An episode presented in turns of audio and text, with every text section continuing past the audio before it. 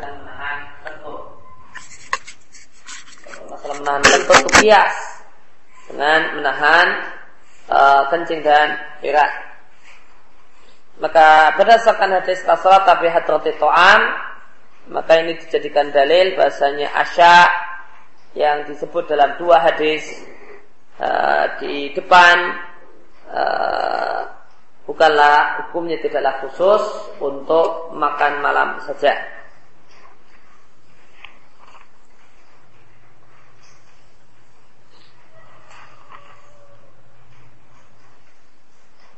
Kemudian tadi kita baca di Musnad Imam Ahmad e, tentang praktek sahabat Abdullah bin Umar e, di mana beliau mendahulukan e, makan besar dalam acara buka puasa beliau daripada sholat maghrib. Maka di sini uh, di, di di riwayat Imam Ahmad tersebut disebutkan tumat kamu wa. Kemudian ikomah dikumandangkan dalam keadaan Ibnu Umar yang ada di rumah itu mendengarnya. Maka kalimat ini menunjukkan bahasanya uh, boleh dan tidak masalah ikomah itu terdengar di luar masjid. Karena Ibnu Umar di rumahnya. Ibnu Umar di rumahnya yang di dekat masjid dan uh, ikomah dikumandangkan dalam keadaan Ibnu Umar mendengarnya. Maka ini menunjukkan bahasanya uh, memperdengarkan ikomah di luar masjid hukumnya boleh. Sebagaimana sabda Nabi Shallallahu Alaihi Wasallam,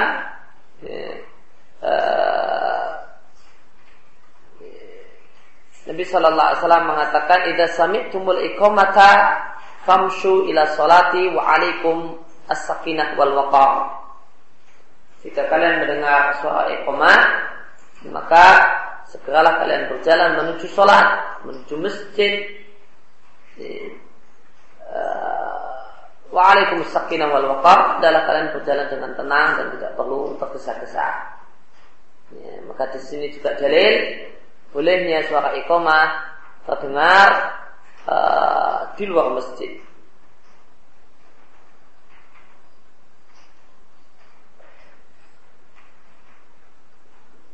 Maka tentang apakah suara iqamah boleh terdengar di luar masjid satu hal yang diperselisihkan ulama boleh dan tidaknya. Ya. Sebagian ulama memfatwakan terlarangnya suara iqamah terdengar di luar masjid. Jadi ini fatwa Muhammad Nasruddin Al-Albani rahimallahu taala. Alasan mereka ini tashwish, ini mengganggu uh, maka iqamah tujuannya adalah untuk orang-orang yang ada dalam masjid. Namun berdasarkan uh, hadis dan asar, ini asar yang baru saja kita baca dan hadis yang saya sampaikan, Eh, maka yang benar uh, boleh memperdengarkan suara iqamah di luar masjid. Ya, sebagaimana yang dikatakan oleh Sayyid Muhammad bin Sulaiman rahimahullah taala di saat dia untuk Riyadhus Shalihin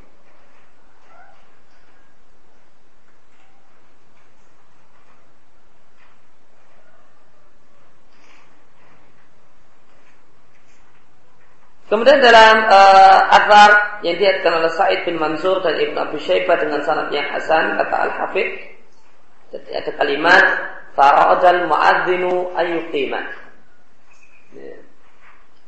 fara'adal mu'adzinu ayyuqima maka mu'adzin hendak mengumandangkan iqamah ya. maka ini menunjukkan bahasanya yang menjadi kebiasaan di masa itu yang berikomah adalah yang mengundangkan azan.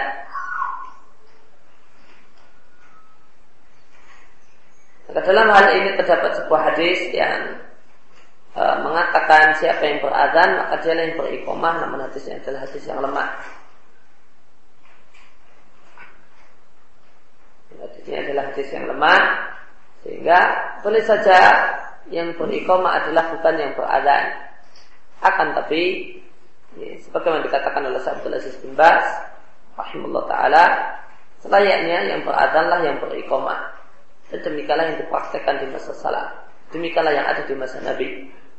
Rasanya Bilal lah yang beradaan dan adalah yang berikomah dan demikianlah yang dipraktekkan di masa salam maka uh, mungkin kita bisa kuatkan apa yang dikatakan oleh Sa'abul Aziz bin Bas bahasanya inilah yang dipraktekkan di masa salat dengan akar yang baru saja kita baca Farada al-mu'adzinu ayyuqimah maka muadzin uh, hendak uh, mengumandangkan iqamah. Maka dia yang berazan dan dia yang mengumandangkan iqamah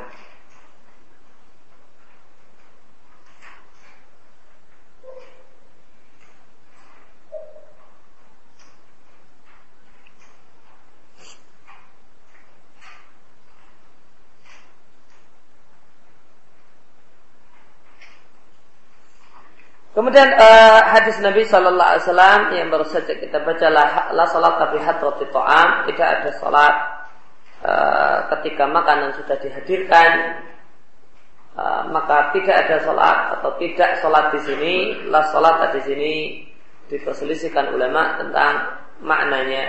Apakah maknanya tidak sah salat? Sebagian ulama berpendapat Lah salat tabihat roti to'am maknanya adalah tidak sah salat ketika makanan uh, telah dihadirkan. Maka orang yang uh, mengerjakan salat dalam keadaan makanan sudah dihadirkan dan dia memikirkan uh, makanan yang telah disajikan maka salatnya batal. Demikian uh, ini pendapat Syekhul Islam Ibn Taimiyah rahimahullah taala sebagaimana dinukil oleh uh, Sa'abdullah Ali Basam di Taisir Allah ketika menjelaskan hadis ini.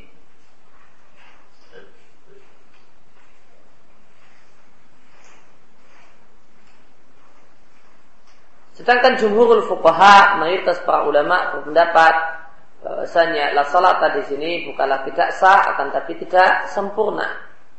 Salat tetap sah namun tidak sempurna.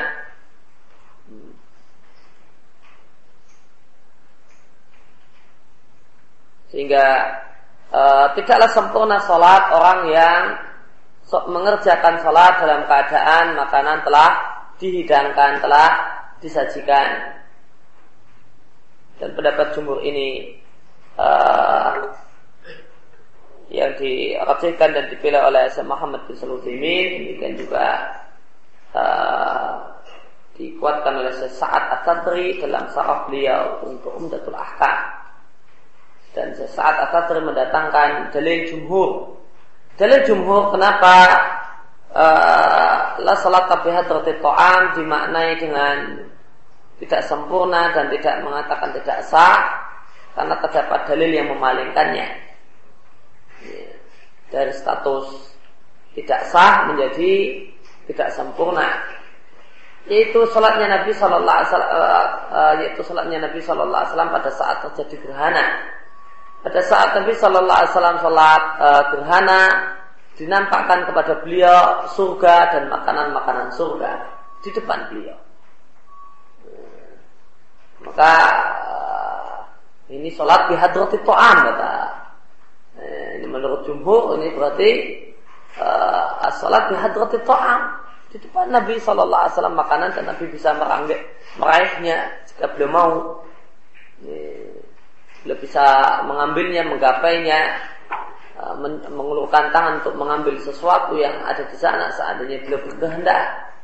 Maka ini as, ini as adalah salat hadrati to'am. Dan ini dan Nabi tetap sholat dan tidak membatalkan sholatnya dan tidak menganggap sholatnya adalah sholat yang batal. Ya, maka hadis ini dalil bahwasanya boleh nah, sholat di hadrati to'am. Ya, sholat dalam keadaan makanan uh, telah dihidangkan, telah disajikan di depannya nah, dan tidak ada halangan seandainya mau mengambilnya.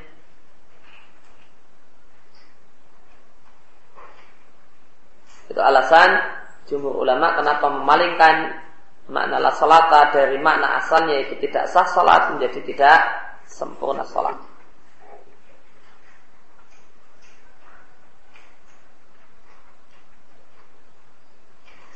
Maka ringkasnya e, ketika makanan telah dihidangkan dan ikomah sholat terdengar maka e, hendaknya sholat itu atau makan itu didahulukan daripada sholat namun dengan beberapa syarat. Namun dengan empat syarat. Yang pertama adalah uh, sebagaimana hadis ya, yaitu sholat telah dihidangkan ya, makanan telah dihidangkan kalau makanan masih dalam proses uh, dimasak ya, maka uh, wajib uh, untuk mendahulukan sholat meskipun hati kepikiran makanan yang dimasak. Kemudian yang kedua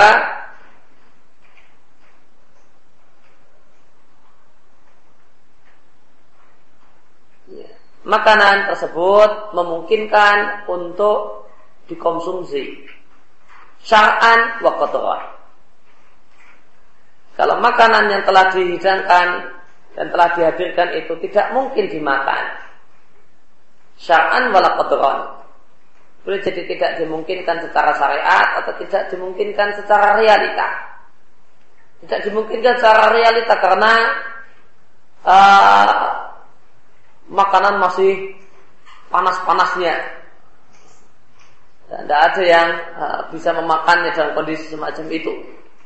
Ya, kecuali mau bikin masalah untuk lidahnya sendiri. Maka orang pun masih menunggu, maka kita pun masih menunggu makanan ini minimal agak dingin. Nah, daripada nunggu di depan makanan, maka utamakan sholat utamakan sholat.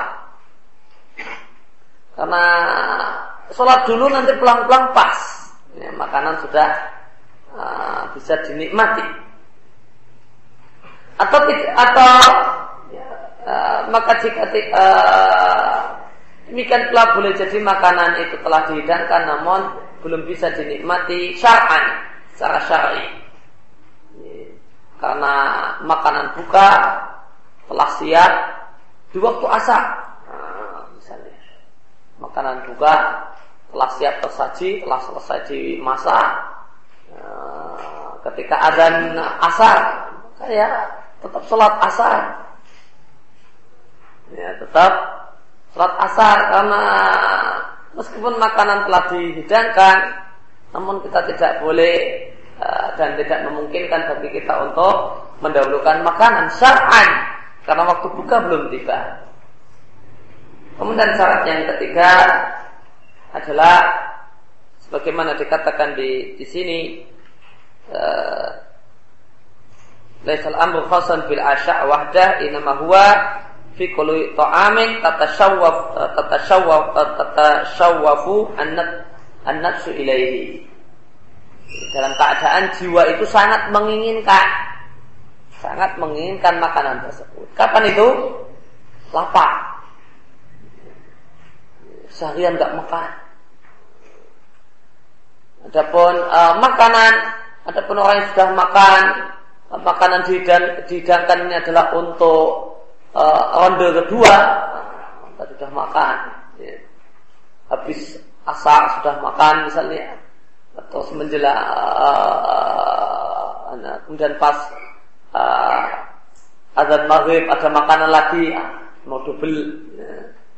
Maka ini tidak tatasyawafu ilahi nafsu. Bukan sesuatu yang sangat diinginkan oleh jiwa. Maka makanan yang didahulukan daripada sholat adalah makanan yang sangat diinginkan oleh jiwa. Karena karena uh, karena kondisi lapar atau kondisi sangat lapar. Adapun jika kondisi perut kenyang atau minimal tidak lapar, maka sholat lebih didahulukan daripada makanan. Kemudian syarat yang keempat, uh, hal ini tidak jadikan kebiasaan. Namun satu hal yang korek, satu hal yang kadang terjadi, kebetulan terjadi, namun tidak jadi rutinitas, ya. mesti makan pas adan maghrib, atau mesti makan pas adan duhur misalnya. Ya, empat syarat ini disampaikan oleh Syekh Muhammad bin Sulaiman di Sahul Mumtih. Faidah kalau batul ulama sebagian ulama mengatakan uh, jika makanan telah dihadirkan, uh, telah dihadirkan, telah dihidangkan dan ikomah dikumandangkan, maka yang bagi sepatutnya bagi orang tersebut untuk makan beberapa suap ya, untuk menghilangkan surat jui ya, uh, untuk menghilangkan uh, rasa lapar Warat tadzalika an-Nawawi namun uh, perkataan ini dibantah oleh An-Nawawi. An-Nawawi mengatakan hadis Nabi Wasallam janganlah kalian tergesa-gesa sampai selesai dari ini adalah dalil bahasanya orang tersebut hendaklah makan apa menjadi kebutuhannya yaitu bikamalihi sampai selesai Wadah waswab maka kandungan hadis inilah inilah yang benar. Adapun takwil, adapun penjelasan yang disampaikan oleh sebagian uh, sahabat-sahabat kami yaitu uh, para ulama Syafi'iyah bahwasanya ketika iqamah telah terdengar maka yakulu uh, lukaman maka adalah makan beberapa suap yang yang bisa menghilangkan sidat ya, yang bisa menghilangkan uh, sakitnya rasa lapar maka ini adalah pendapat yang tidak benar dan hadis tersebut adalah dalil tegas membatalkan ya, uh, pendapat ini.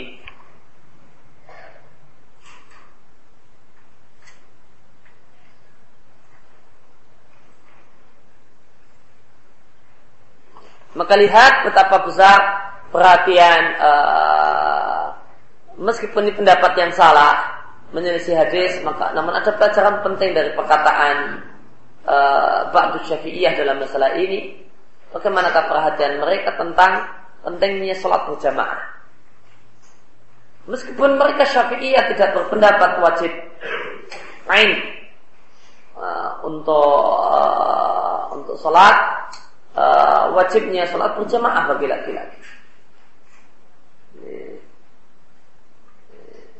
Pendapat yang terkenal di antara Syafi'iyah bahasanya pendapat Imam Syafi'i adalah fardu kifayah.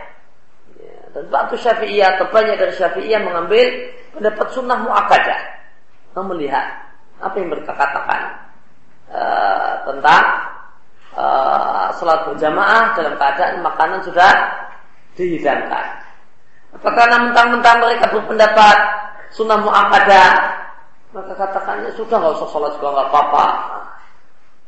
Apa apa demikian yang mereka fatwakan? Apa yang demikian yang mereka katakan?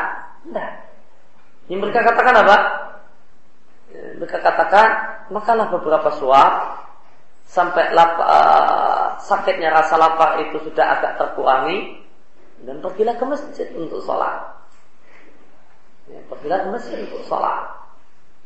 Maka mereka bukan orang yang meremehkan sholat berjamaah. Ya, bukti mereka mengatakan, ambillah beberapa suap. Beberapa suap saja, jangan diselesaikan. Selesaikannya nanti. Ambil beberapa suap. Rasa lapar sudah cukup terobati. Pergi ke masjid. Dan mereka tidak uh, tidak mengambil uh, dalam masalah sholat berjamaah mereka Syafi'iyah tidak mengambil pendapat yang mewajibkan sholat berjamaah mereka mengambil di antara uh, kalau tidak uh, fardu kifayah sebagaimana pendapat uh, yang masuk di kalangan mereka bahasanya adalah pendapat Imam Syafi'i. Meskipun zahir perkataan Imam Syafi'i di al-um menunjukkan fardu ain. Ya, zahir perkataan al-Imam Syafi'i di al-um adalah fardu ain uh, bagi laki-laki untuk salat berjamaah di masjid. Ya, akan tapi pendapat yang masyhur di antara Syafi'iyah antara para ulama Syafi'iyah tentang pendapat, apa pendapat Imam Syafi'i uh, untuk sholat uh, berjamaah di masjid, pendapat yang masuk di kalangan mereka, Imam Syafi'i berpendapat uh, fardu kifayah. Ya kalau sudah di masjid sudah ada jamaah, maka uh, sudah ada laki-laki yang sholat berjamaah, maka yang lain gak ke masjid apa-apa. Namun kalau di satu waktu itu masjid kok kosong, nggak ada jamaah sholat duhu, nggak ada satupun yang jamaah sholat asar, satu kampung dosa semua.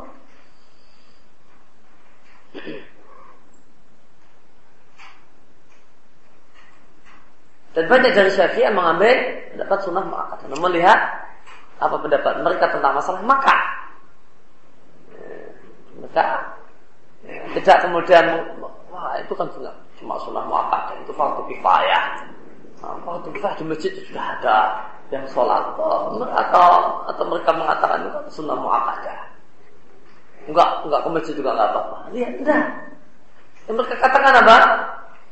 Uh, ambillah beberapa sok makanan sehingga rasa lapar juga cukup terobati. Setelah itu segera ke masjid.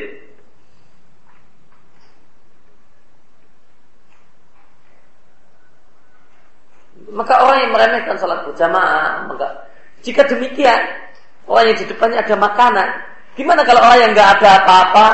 Demikian orang yang lapar.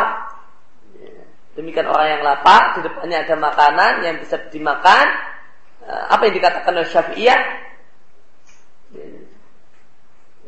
Suruh pergi ke masjid setelah makan beberapa sok makan. Lalu bagaimana dengan orang ya?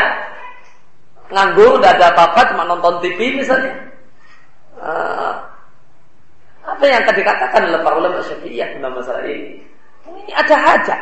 Dia dalam kondisi lapar, di depannya ada makanan. Makanan telah tersaji. Mereka perintahkan untuk pergi ke masjid setelah ngambil beberapa sok makan. Gimana kalau orang itu nganggur? Ya, meskipun pendapat mereka ini uh, pendapat yang kurang tepat dalam masalah ini, namun di sini terdapat pelajaran yang penting dan uh, uh, ya, tentang bagaimana kesikap ya, para syafi'iyah, para ulama syafi'iyah tentang masalah pentingnya sholat berjamaah.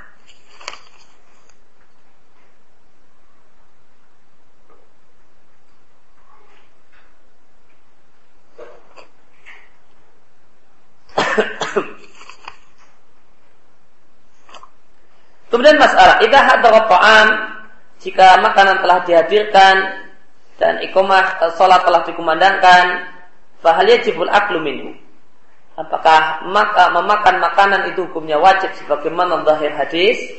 Ataukah mendahulukan makanan daripada sholat itu satu hal yang hukumnya dianjurkan? Maka jawabannya perbuatan Ibnu Umar radhiallahu anhuma sebagaimana diatkan Imam Ahmad dan yang lainnya menunjukkan uh, bahasanya sikap yang benar adalah mendahulukan makan secara mutlak. Pemin ahli ilmi dan di antara para ulama ada yang memberikan persyaratan ya, yaitu bergantungnya hati dan sangat ber, sangat inginnya hati kepada makanan. Fa'inkanan nafsuhu tatatawaku ila ta'am maka jika jiwa seseorang itu sangat menginginkan makanan maka yang terbaik untuknya adalah uh, makan terlebih dahulu sehingga dia yukbil ala salatihi sehingga dia bisa uh, datang untuk mengerjakan salat dalam keadaan hati yang khusyuk. Sebagaimana perkataan Abu Darda, sahabat Abu Darda radhiallahu anhu, beliau mengatakan min fikhil mar'i ikbaluhu ala hajatihi hatta yukbila ala salati wa wa qalbu farihun. Di antara tanda kepahaman agama yang dimiliki oleh seseorang, dia adalah ikbal ala hajatihi, dia perhatian kepada hajatnya yaitu makanannya, ya, yaitu dia selesaikan makannya terlebih dahulu, ya, hatta yukbil ala salati sehingga dia bisa menghadapkan dirinya untuk mengerjakan salat dalam keadaan hatinya itu balik, hatinya itu kosong dari memikirkan makanan. Hadis, uh, perkataan Abu Darda ini diriat, uh, diriatkan oleh Bukhari secara mu'allak di Kitabul Adhan. Wahadal atar wasolahu ibnu Mubarak namun uh, perkataan uh, Abu Darda ini mausul bersanad ya, uh, disebutkan sanatnya oleh Ibnu Mubarak dalam kitab Zuhud dan di, juga diriatkan oleh Muhammad bin Nasr al-Maruzi dalam kitabnya Ta'zim Qadir Salat. Demikian perkataan penjelasan Ibnu uh, Ibnu, Ibnu Hajar di Fathul Bari.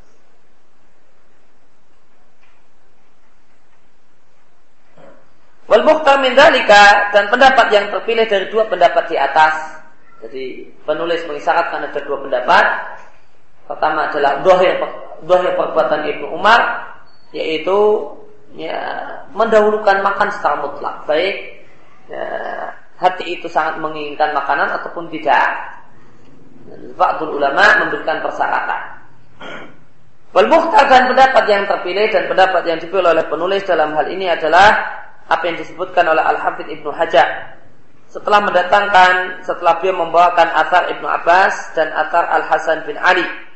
Ya, Al-Hasan bin Ali ya, mengatakan atau Ibnu Abbas dan Al Hasan bin Ali mengatakan al asya kebelah salat yudhibu nafsul lawamah. Sesungguhnya makan makan malam sebelum mengerjakan sholat itu menghilangkan nafsu lawamah. Jiwa yang mencela. Yang suka mencela. Karena orang jika dia sholat dalam keadaan e, menunda makanan, ya, dia mengutamakan sholat maka jiwanya mencela. Uh, kenapa kamu kok lapar ini? Kok, kok sholat dulu nggak makan dulu? Nah, maka itu yang dikatakan oleh jiwa manusia ketika dia mendahulukan uh, sholat daripada makanan dalam keadaan jiwanya sangat menginginkannya. Kal Ibnu Hajar mengatakan Uh, perkataan Ibnu Abbas dan Al Hasan bin Ali ini mengisyaratkan bahasanya ilah kenapa makanan didahulukan daripada sholat adalah karena jiwa sangat menginginkan makanan. Maka sepatutnya hukum itu mengikuti ilah ada dan tidak adanya. Walayataqayyad bikulin au ba'din uh, dan tidaklah diikat dengan kulin au ba'di, menyelesaikan makanan ataukah cuma ngambil sebagian makanan. Namun mengikuti ilah yaitu jiwa sangat menginginkan makanan ataukah tidak. Ya, maka jika seorang itu e, ngambil sebagian makanan dan dia sudah tidak e, sudah tidak sangat menginginkannya, ya setengah porsi dia makan setelah itu dia tinggal sholat, maka tidak mengapa. Ya, karena Eh, karena ilahnya adalah ya, sangat inginnya jiwa terhadap makanan, bukan bikul au ba'din seluruh makanan ataukah sebagian makanan.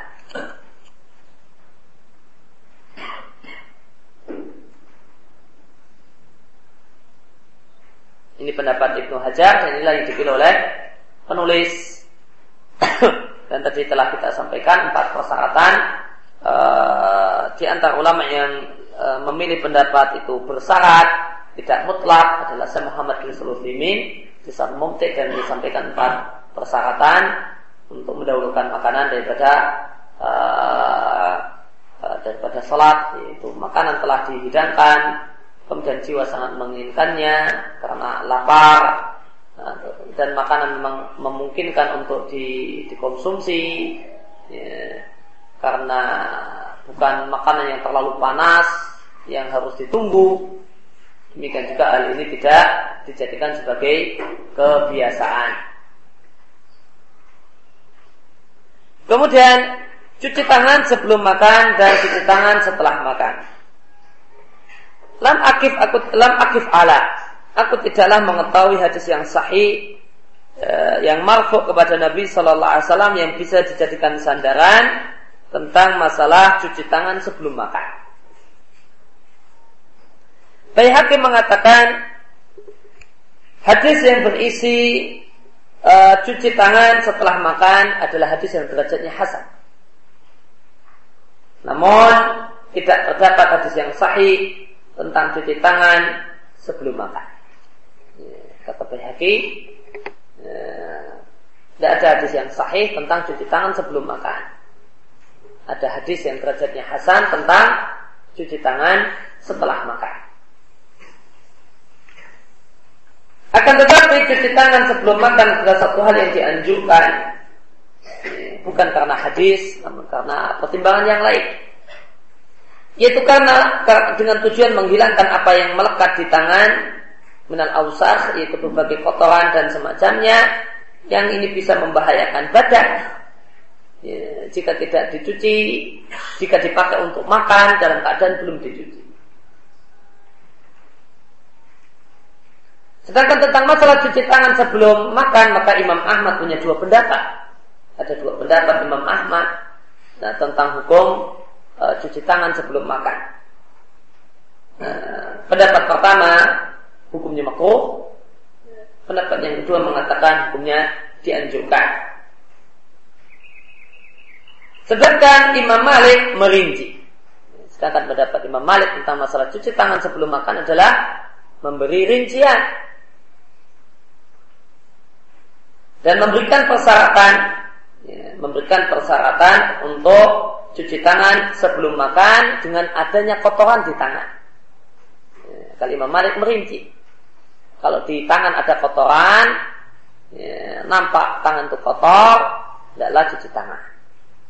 Kalau nampaknya tangan itu bersih-bersih saja, bisa langsung dipakai untuk makan meskipun ya, tanpa cuci tangan terlebih dahulu. Ini pendapat Imam Malik. Sedangkan uh, Sani Ibnu Mufli ya, sikap Ibnu Mufli dalam kitabnya Al-Adab Asy-Syar'iyyah menunjukkan kalau beliau berpendapat dianjurkan untuk cuci, cuci tangan sebelum makan wa ali jama'atun min ahli ilmi dan menganjurkan cuci tangan sebelum makan adalah pendapat sejumlah ulama. Kesimpulannya, wafil ambil sah ada kelonggaran dalam masalah ini. Ada kelonggaran dalam masalah ini. Siapa yang mau cuci tangan disilahkan, siapa yang nggak cuci tangan, asalkan di tangannya tidak mengandung racun atau yang lainnya, maka ya, ya yang bisa membahayakan tubuh dan merusak tubuh ya maka malas cuci tangan juga tidak apa-apa.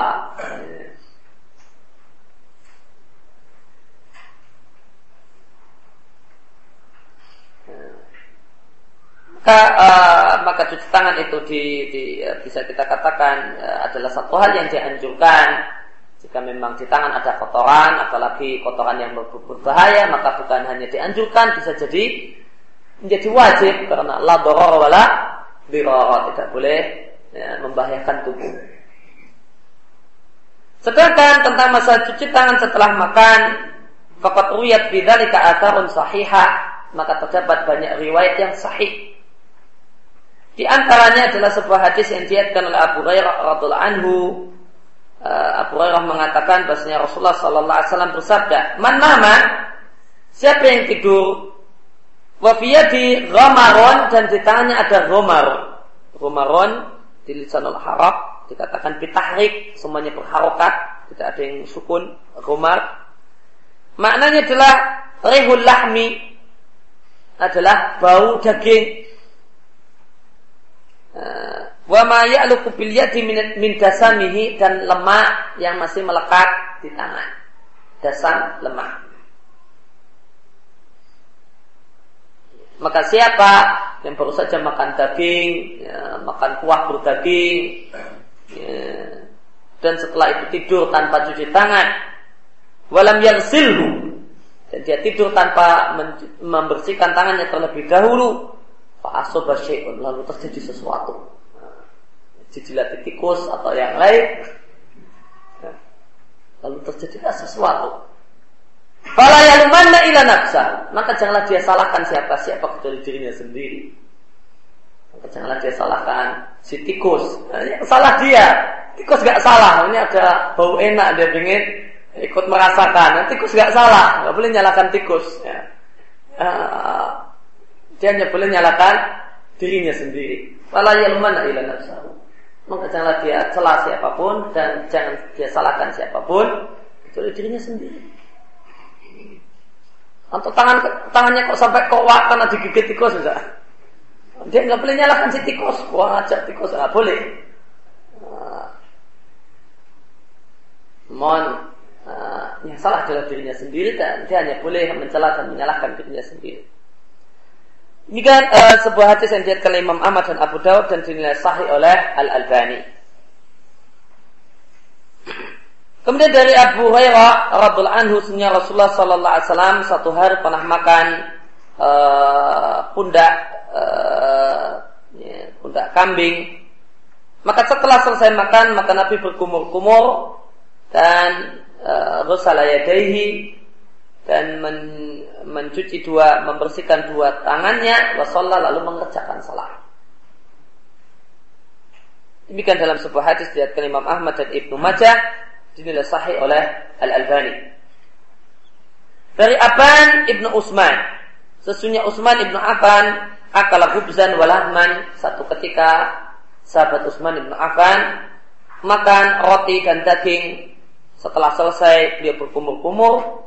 Kemudian ghasala kemudian membersihkan dua tangannya. Wa masahabihi mawajahu dan tangan yang basah tersebut beliau gunakan untuk mengusap wajahnya. Kemudian beliau salat walam yatawadda dan beliau tidak berwudu.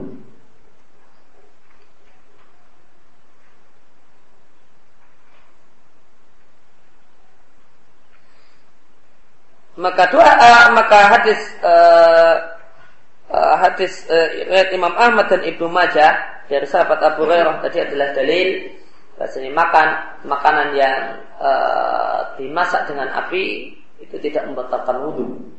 Demikian pendapat yang paling benar dalam masalah ini. Nabi makan daging kambing dan Nabi tidak mengulang wudhu. Demikian juga yang dipraktekkan oleh sahabat Utsman ibnu Affan.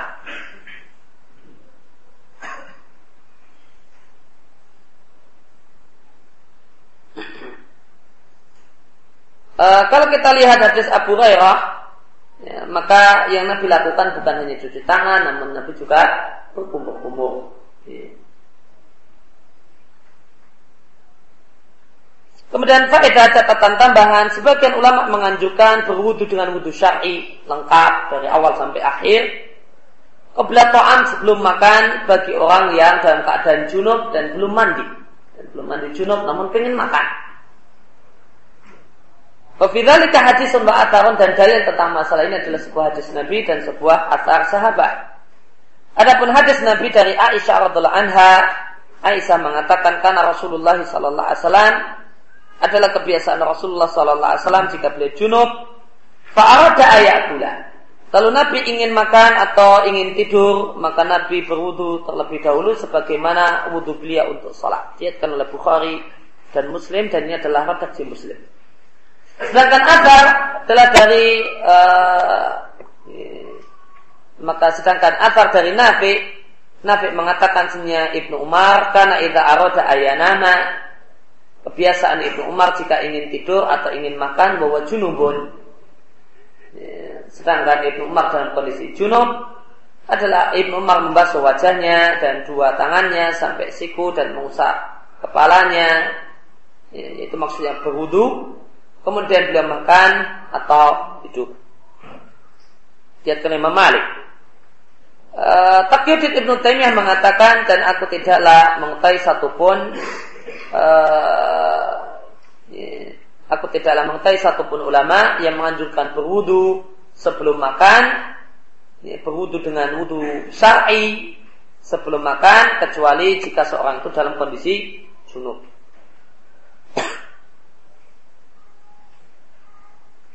Catatan. Al-Albani berdalil dengan hadis Aisyah.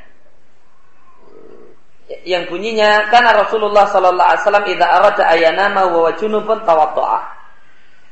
Rasulullah sallallahu alaihi wasallam jika ya, mau tidur dalam keadaan beliau junub dan belum mandi uh, mandi besar, belum mandi wajib, maka beliau berwudu terlebih dahulu baru tidur. Wa idza arada ayakula ghasala yadayhi. Dan jika Nabi Shallallahu Alaihi Wasallam ingin makan, uh, maka beliau mencuci atau membersihkan ya, dua telapak tangannya terlebih dahulu. Lihat kalau Nasai dan Ahmad. Maka berdasarkan hadis ini Al-Albani berdalil disyariatkannya untuk cuci tangan sebelum makan secara mutlak. Berdasarkan hadis ini.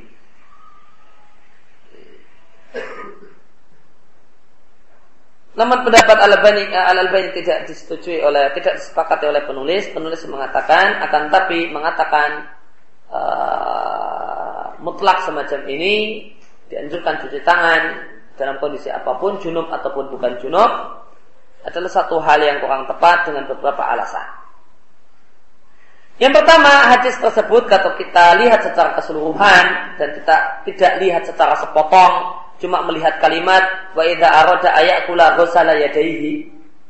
Jika kita lihat secara utuh, maka hadis tersebut menjelaskan perbuatan Nabi Shallallahu Alaihi Wasallam pada saat beliau dalam kondisi junub, kemudian mau tidur atau mau makan atau mau minum atau mau minum. Namun Al Albani cuma melihat potongan yang terakhir dari hadis. Wa idza arada ayakula ghusala yadayhi ini yang dilihat. Namun jika kita lihat sejak depan, ya, maka ini hanya bicara tentang masalah sikap Nabi dan apa yang Nabi lakukan ketika dalam posisi junub dan kondisi junub dan beliau ingin makan atau ingin tidur. Maka jika ingin makan, jika ingin tidur maka beliau wudhu. Jika ingin makan maka beliau cuci tangan.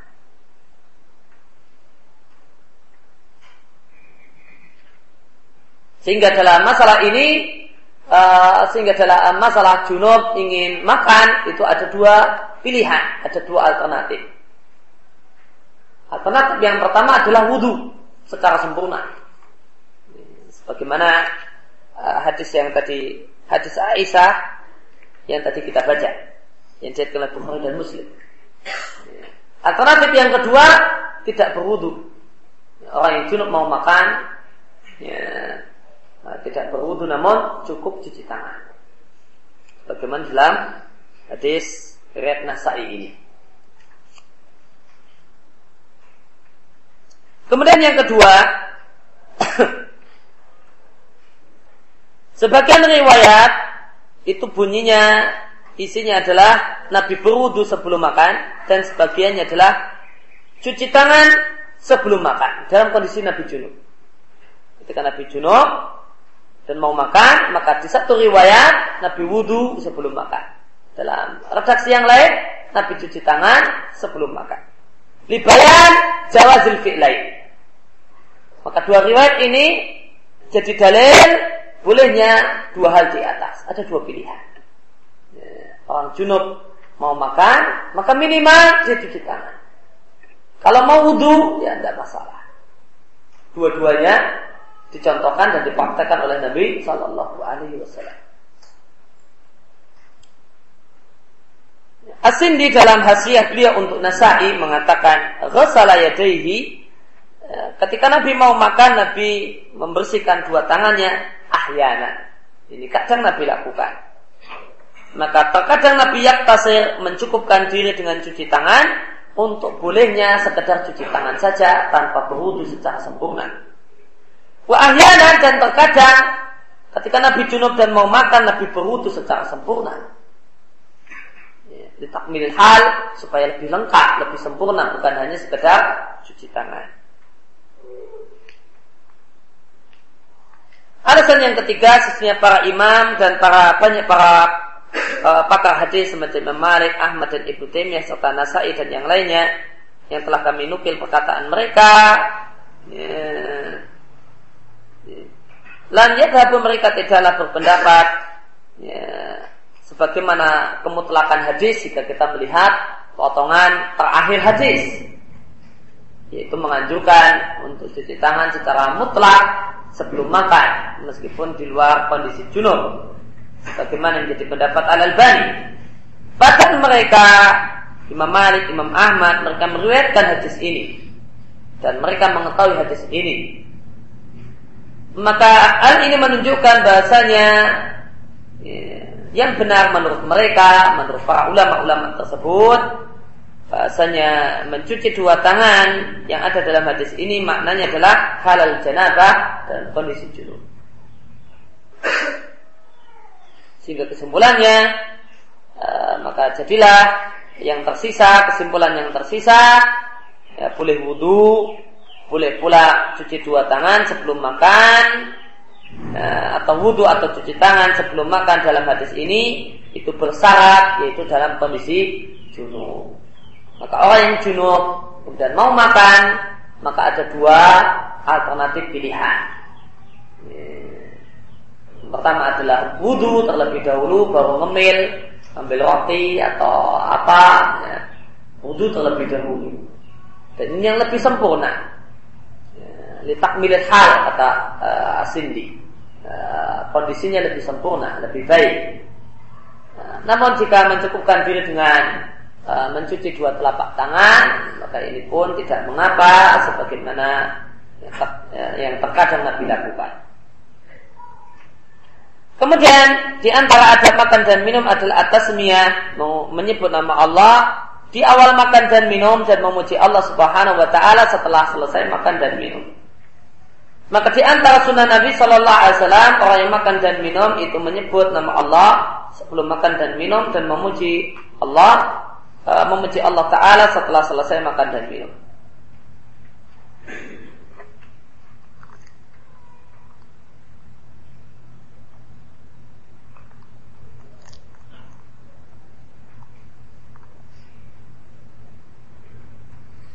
Ibnu Qayyim mengatakan uh, menyebut nama Allah Subhanahu wa taala di awal makan dan di awal minum dan memuji Allah di akhir makan itu memiliki pengaruh yang luar biasa. Pengaruh, pengaruh yang luar biasa secara uh, secara realita. Binak'ihi wastimra'ihi uh, maka makanan itu lebih manfaat karenanya. Dan makanan itu lebih terasa nikmat karena sebabnya.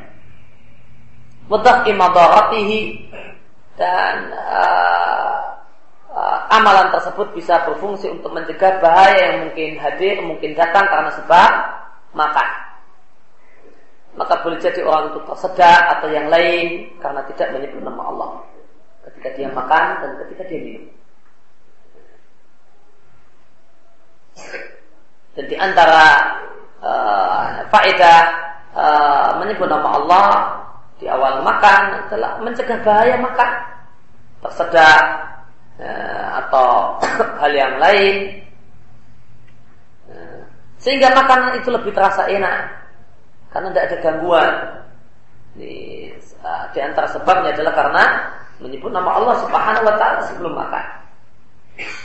Imam Ahmad mengatakan jika dalam sebuah makanan itu terdapat empat hal, maka inilah makanan yang sempurna. Yang pertama, jika disebut nama Allah Subhanahu wa taala di awal makan. Yang kedua, Allah Subhanahu wa taala dipuji setelah selesai makan. Yang ketiga, banyak tangan dinampan dan dipiring ketika itu. Nah, makan berjamaah. Bahasa jauhnya kembulan. Kemudian yang keempat, wakana min hilin, dan itu adalah makanan yang halal. Maka jika terkumpul dalam sebuah makanan empat hal ini kata Imam Ahmad, maka inilah makanan yang nomor satu. Nah, inilah makanan yang terbaik. Dan manfaat menyebut nama Allah Subhanahu wa taala sebelum makan adalah mencegah setan untuk ikut makan dan mencegah setan untuk isoba untuk ambil jatah mengambil bagian dari makanan yang ada. Dalilnya dari Hudzaifah radhiallahu anhu beliau mengatakan kami apabila kami berada bersama Nabi Shallallahu Alaihi Wasallam untuk kami bersama Nabi Shallallahu Alaihi Wasallam dalam acara makan, maka kami tidaklah meletakkan tangan-tangan kami di nampan ya, yang di sana ada makanan sampai Rasulullah Shallallahu Alaihi Wasallam yang memulai meletakkan tangannya. Demikianlah ada, ya, demikianlah sopan santun. Ada orang yang lebih dihormati, ada orang yang punya nilai lebih boleh jadi karena karena ya, karena kesolehannya, karena ilmunya, atau karena karena usianya, ya, makan bareng dengan kita, maka kita persilahkan beliau uh, orang yang memiliki nilai lebih tersebut untuk memulainya sebagai bentuk penghormatan uh, kita kepada orang-orang yang layak untuk kita hormati. Wa inna hadarna ma'ahu maratan dan satu ketika kami makan bareng bersama Nabi Shallallahu Alaihi Wasallam lalu datanglah anak perempuan kecil, jariah anak kecil perempuan.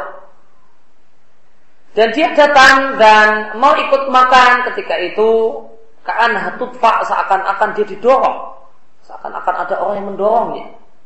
Artinya apa? Dia kok langsung itu makan cepat, uh, datang langsung makan. Tidak duduk dulu santai kemudian. Ini namun uh, ada satu hal yang agak aneh. Seakan-akan dia terdorong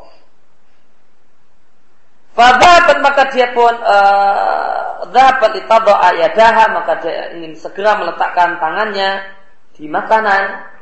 Maka Nabi Wasallam memegang tangan anak perempuan ini.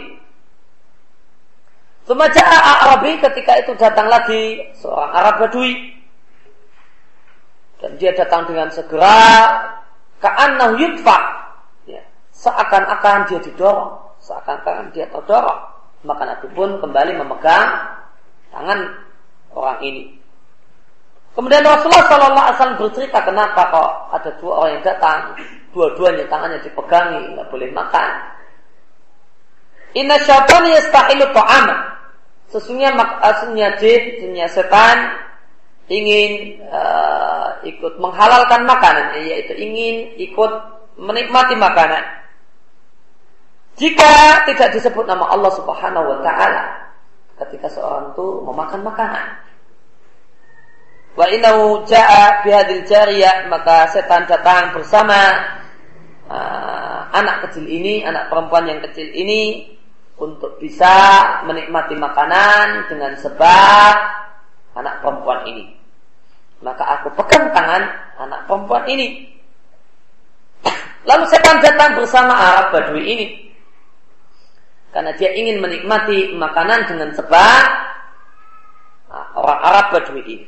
Pak tu biadi maka aku pegang tangan si Arab, uh, si orang Arab Badui ini demi Allah yang jiwaku ada di tangannya ya, sesungguhnya tangan setan ada di tanganku ma'ayadiha bersama tangan anak gadis tersebut, anak uh, anak perempuan tersebut.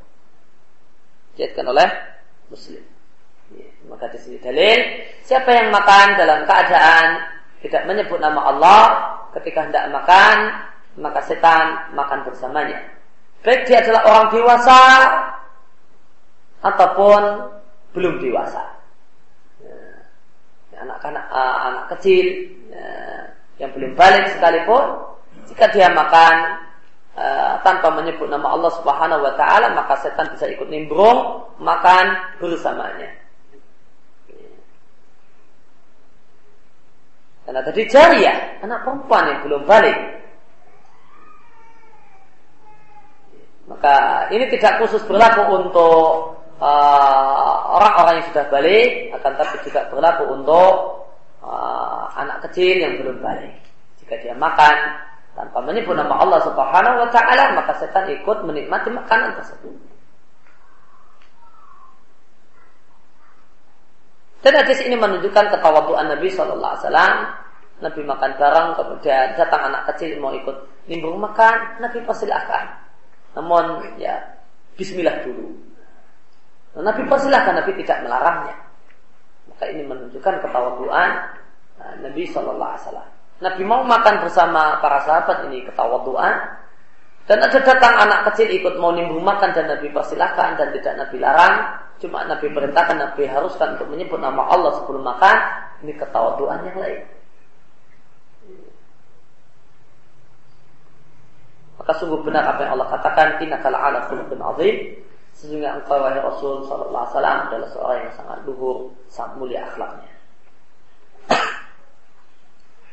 Dan ucapan uh, dan menyebut nama Allah ketika makan tidaklah seorang yang tidak makan mengucapkan Bismillah. Dan Umar bin Abi Salamah radhiyallahu anhuma beliau mengatakan kuntu hulaman fi hijri Rasulullah sallallahu alaihi wasallam aku adalah anak kecil yang belum balik dalam asuhan Rasulullah sallallahu alaihi wasallam. Kenapa dalam asuhan Rasulullah? Karena ibunya ya, adalah istri Nabi. Maka, ya, maka pada satu hari Umar bin Abi Salamah ini makan bareng satu piring atau satu nampan dengan Nabi. Wakana yati tatisu fi sumpah maka tanganku tuh keliling-keliling di nampan tersebut, kadang ngambil di sini, kadang ngambil di situ, kadang ngambil di sana. Tidak menetap di satu pojok, di satu sisi, namun keliling-keliling. Fakolali Rasulullah Sallallahu Alaihi Wasallam maka Rasulullah Sallallahu Alaihi Wasallam menegurku dengan mengatakan ya bulamu samilaha wa kul biyaminik wa kul mimayalik. Wahai anak kecil sebutlah nama Allah ketika engkau tidak makan, makalah dengan menggunakan tangan kananmu dan makanlah jika engkau bersama orang lain, makalah makanan ada di dekatmu.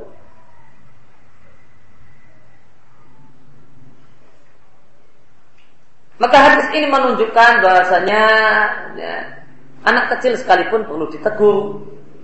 Tidak sebagaimana prinsip sebagian orang tua, ah biarin dia masih kecil. Nantilah dong kalau sudah dewasa. Ada anak kecil yang melakukan kesalahan, ya, ya makan dengan tangan kiri atau ya, yang lain. Maka sebagian orang tua membiarkan dengan mengatakan, atau bahkan anak kecil tidak sholat, sebagian orang tua membiarkan dengan mengatakan, ah masih kecil, nggak perlu ditegur, nggak perlu dimarahi karena melakukan perbuatan tersebut. Nantilah nanti ya Fahamlah kalau sudah besar. Ya, boleh jadi akan paham jika besar kalau lingkungannya lingkungan orang-orang yang uh, tahu agama, orang-orang yang mempraktekkan ajaran agama, mungkin bisa kita katakan kalau sudah besar dia paham. Karena mau tidak mau dia harus sesuai dengan lingkungannya. Kalau lingkungannya lingkungan nggak jelas, nggak karuan, ya, maka ketika kecil ya sudahlah nanti kalau sudah gede lah paham, kalau sudah dewasa nanti ngerti. Ya. Maka sampai dewasa tetap bodoh. Nah, karena lingkungannya lingkungan yang uh, enggak mempraktekkan agama. Maka kaidah uh, kaidah sebagian orang tua membiarkan kesalahan jika itu dilakukan anak kecil karena dia anak kecil maka ini adalah alasan untuk memaafkan dan membiarkan dia melakukan kesalahan dan tidak menegurnya adalah kaidah yang salah. Ini kaidah yang benar anak kecil sekalipun meskipun belum balik, belum terkena dosa karena pelanggaran, maka ketika dia melanggar, ya, ya, ketika dia makan dengan tangan kiri atau makan tanpa menyebut nama Allah, maka perlu ditegur dan diingatkan. Inilah yang benar dan inilah yang karena teguran dan nasihat ketika kecil itulah yang membekas. Sebagaimana kata Umar bin Abi Salamah, "Famazalat tilka mati ba'du." Maka tidaklah henti-henti seperti itu cara aku makan sejak saat itu sampai ya, sampai beliau tua. Maka sejak detik itu, sejak beliau ditegur oleh Nabi, maka teguran Nabi itulah yang selalu teriang-iang ya, di benaknya dan di pikirannya. Ya, sehingga sejak saat itu pola makan beliau berubah sesuai dengan apa yang Nabi katakan sejak detik itu sampai tuanya. Maka inilah yang berfaedah teguran ketika kecil, nasihat ketika kecil, ya, dimarahi ibu ketika kecil karena makan pakai tangan kiri. Nah, ya, itulah yang membekas dan itulah yang berkesan. Ya. Maka ini bukti bahasanya teguran dan nasihat di, di ketika kecil itu sangat-sangat manfaat. Itulah yang berkesan, itulah yang berkesan, itulah yang membekas.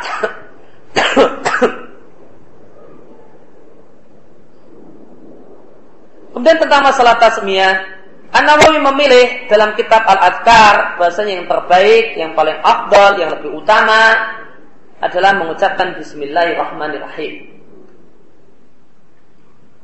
Kemudian An Nawawi mengatakan jika seorang itu mengucapkan Bismillah saja tanpa Ar-Rahman dan Ar-Rahim maka itu cukup wahas salat sunnah. Ya, dan dia telah melaksanakan uh, apa yang Nabi ajarkan yaitu menyebut nama Allah ketika makan. Non perkataan dan pendapat An Nawawi yang mengatakan bahasanya yang lebih afdal adalah uh, Bismillahirrahmanirrahim dibantah oleh Al Hafidh Ibnu Hajar di Fathul Bari dengan beliau katakan aku tidak melihat ya, klaim abdoliyah yang dikatakan oleh An Nawawi adalah satu pendapat yang berdalil yang memiliki dalil khusus.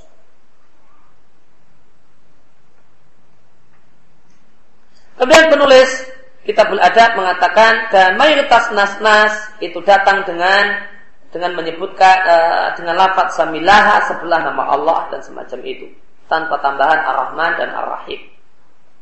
Bahkan terdapat kalimat tegas uh, tegas cuma cukup dengan Bismillah saja tanpa Ar-Rahman Ar-Rahim. Ya, ketika anda menyebut nama Allah dalam hadis yang diatkan oleh Tabrani. Di sana tegas cuma Bismillah tanpa tambahan Ar-Rahman dan Ar-Rahim.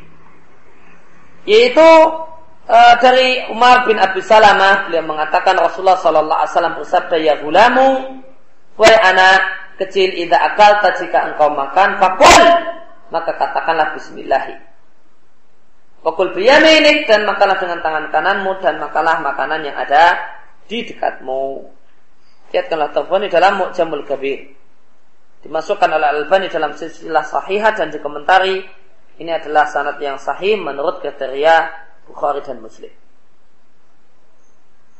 Maka tentang tambahan uh, Ar-Rahman dan Ar-Rahim Eh, setelah uh, Bismillah ketika makan maka uh, tadi kita lihat An-Nawawi mengatakan lebih afdol adalah ada tambahan Ar-Rahman dan Ar-Rahim.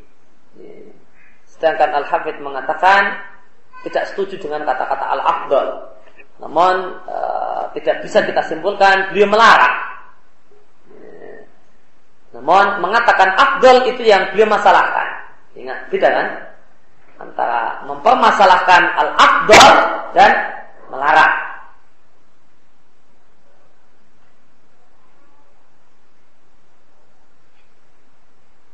Yang dipermasalahkan oleh Al-Hafidh Ibn Hajar adalah mengatakan bahasanya tambahan Ar-Rahman dan Ar-Rahim itu lebih afdal, lebih mulia, lebih utama, berarti lebih banyak pahalanya.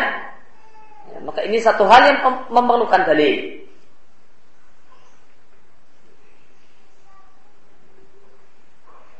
Dan tidak bisa disimpulkan dari sini berarti Al-Hafidh Ibn Hajar melarang tambahan Ar-Rahman dan Ar-Rahim ya, untuk me, uh, untuk ketika uh, menyebut nama Allah ketika hendak makan.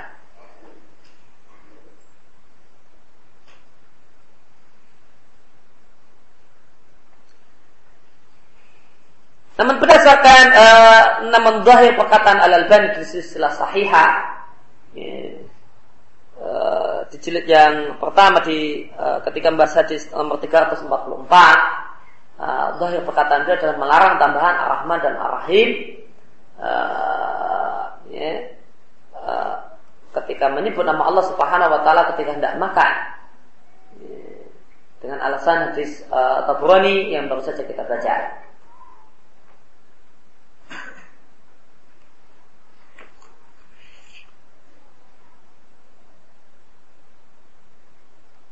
Namun satu hal yang patut diketahui bahasanya di antara ulama yang mengatakan lebih baik menambahkan Ar-Rahman dan Ar-Rahim uh, ketika ketika menyebut nama Allah uh, nama Allah ketika hendak makan adalah Syekhul Islam Ibnu Taimiyah. Sebagaimana dikutip oleh uh, ya, dikutip di Taudil Ahkam ya, Sarafulul Maram Abdullah Ali Basam di bab uh, Ad-Dabaih ya, di bab Ad-Dabaih di Taudih Al-Ahkam Sa'abdul Al-Basam mengutip perkataan Syekhul Islam Taqiyuddin Ibnu Taimiyah. Di sana uh, kutipan Sa'abdul Al-Basam mengatakan uh, di sana disebutkan bahwa Syekhul Islam mengatakan lauzada ar-Rahman ar-Rahim lakana ahsan. seandainya ditambahkan Ar-Rahman dan Ar-Rahim itu adalah lebih baik. Katakan fa'inahu akmal karena itu lebih sempurna. Dan ditegaskan oleh Syekh Muhammad bin Sulaiman di sarah beliau untuk Riyadhus Salihin bolehnya menambahkan Ar-Rahman dan Ar-Rahim uh, dalam bismillah ketika hendak makan.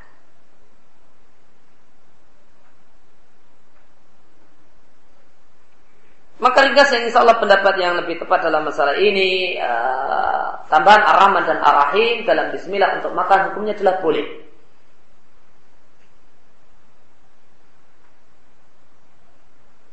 Kenapa? Karena Nabi Shallallahu Alaihi Wasallam mengatakan kepada bulan kepada Umar bin Abi Salamah, Samillaha, sebulan nama Allah. Bismillah itu menyebut nama Allah, Bismillahirrahmanirrahim juga menyebut nama Allah. Maka di hadis Umar bin Abi Salamah, Nabi uh, uh, memerintahkan sebulan nama Allah dan menyebut nama Allah. Bismillah saja itu menyebut nama Allah. Bismillahirrahmanirrahim juga menyebut nama Allah maka semuanya tercakup dalam kalimat samillah.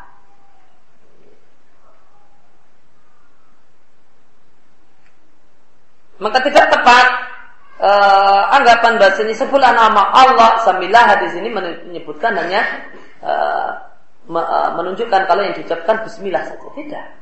Uh, ada perintah untuk menyebut nama Allah. Bismillah itu menyebut nama Allah dan Bismillahirrahmanirrahim menyebut juga adalah menyebut nama Allah Subhanahu wa taala.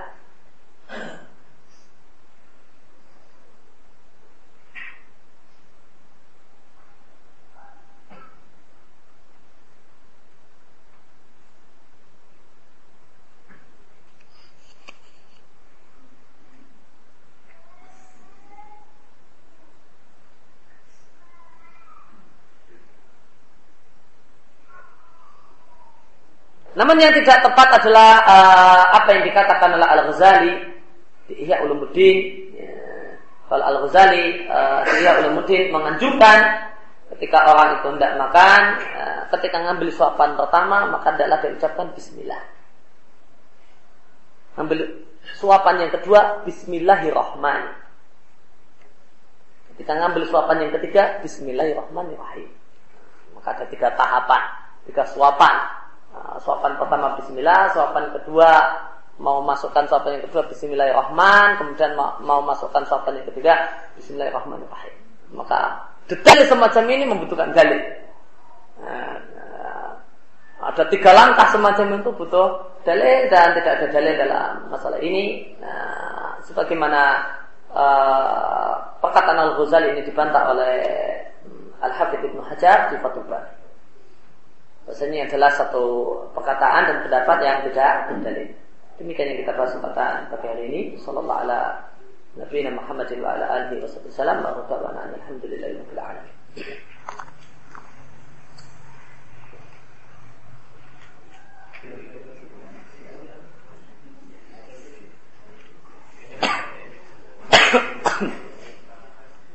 Ya ada pertanyaan apakah setiap yang memberontak kepada penguasa yang sah adalah khawarij.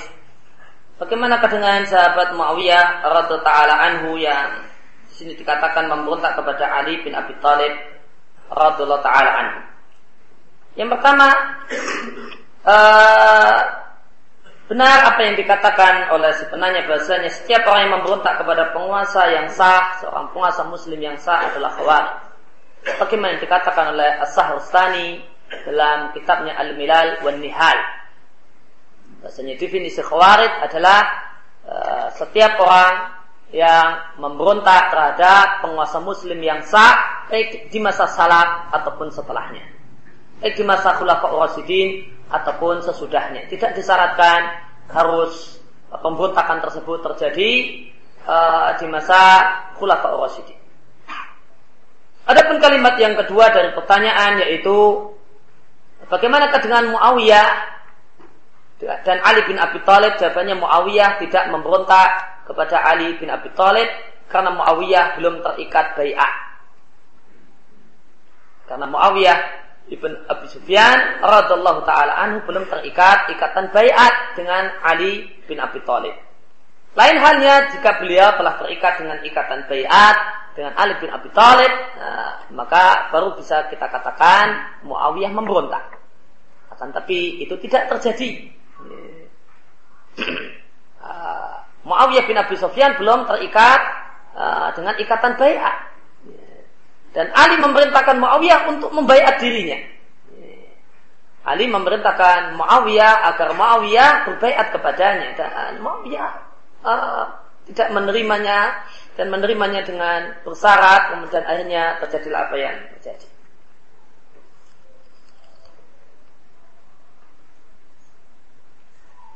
Apakah meminum minuman e, pertanyaan berikutnya adalah apakah meminum minuman yang manis dapat membatalkan wudhu? Jawabannya e, bukanlah termasuk di antara pembatal wudhu meminum minuman yang manis. Atau yang asin. Atau yang asam maka itu tidak uh, termasuk uh, di antara apa yang disebutkan oleh para fuqaha sebagai pembatal wudhu. Berkaitan dengan doa Allahumma barik lana fi tanah dan seterusnya, apakah ada dalilnya? Apakah dari sebuah hadis yang daif? Ya, bacaan uh, doa sebelum makan yang masyhur di tempat kita yaitu Allah mabarik lana fima tanah dan seterusnya terdapat riwayat tentang hal ini dilihatkan oleh Ibnu Sunni di Amalul Yaumi Walayla ya, dan di takhid ya, dan di takhidnya Sesalim bin Aid Al-Hilali untuk Al-Adkar An-Nawawiyah ya, Sesalim uh, Ibn Aid Al-Hilali mengatakan uh, sanadnya daif maka di sini maka hadis yang mendasari bacaan Allah lana fima tanah dan seterusnya adalah berdasarkan hadis yang lemah, maka selayaknya kita tinggalkan. Manakah pendapat yang lebih kuat apakah tumit dirapatkan ataukah tidak ketika sujud?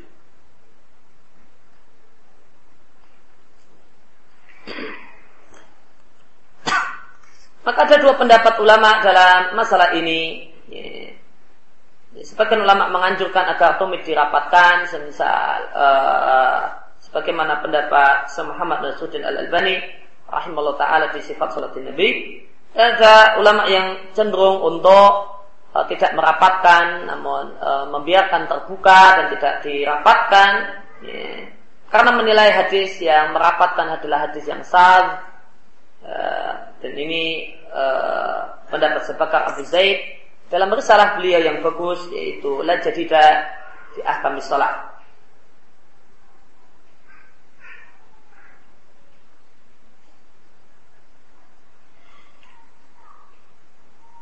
Dan berkaitan dengan uh, masalah ini atau mungkin bisa kita kaitkan dengan apa yang ditanyakan kaidah yang kaidah tentang gerakan salat yang disampaikan oleh Syekh Muhammad bin Salusimin di Syarhul Mumtih di beberapa tempat di Sahul Mumtik dia menyampaikan satu kaidah tentang gerakan sholat ya, bahwasanya jika uh, jika tidak terdapat keterangan dari dalil ya, dari hadis tentang bagaimanakah sikap badan ya, bagaimanakah sikap badan pada posisi tertentu ketika sholat maka sikap badan ketika ketika itu adalah ya, mengambil mana yang paling enak bagi badan. Maka ambillah sikap yang paling enak, yang paling mudah bagi badan. Maka seandainya kita ambil pendapat saya, uh, pendapat Sebakar Abu Zaid yang mendaifkan hadis tentang masalah uh, perapatan tumit ketika sujud, maka berarti dalam masalah ini tidak terdapat dalil. Posisi tumit ketika sujud itu tidak uh, memiliki dalil khas yang membahas tentang kaki itu harus digimanakan. Karena uh, karena karena sepanjang pengetahuan saya tidak terdapat hadis yang menjelaskan tentang posisi itu kaki direnggangkan. Maka anggap saja uh, posisi tumit uh, yang dirapatkan hadisnya adalah hadis yang baik karena sah uh, maka dalam masalah ini berarti tidak terdapat dalil. Maka jika tidak terdapat dalil, apakah kemudian mesti disimpulkan uh, tumit direnggangkan? Ini tidak. Namun ambillah uh, gerakan atau posisi dan kondisi yang paling enak, paling mudah bagi tumit. Maka apa yang paling nyaman bagi tumit, maka itulah hendaklah yang dipilih ketika itu.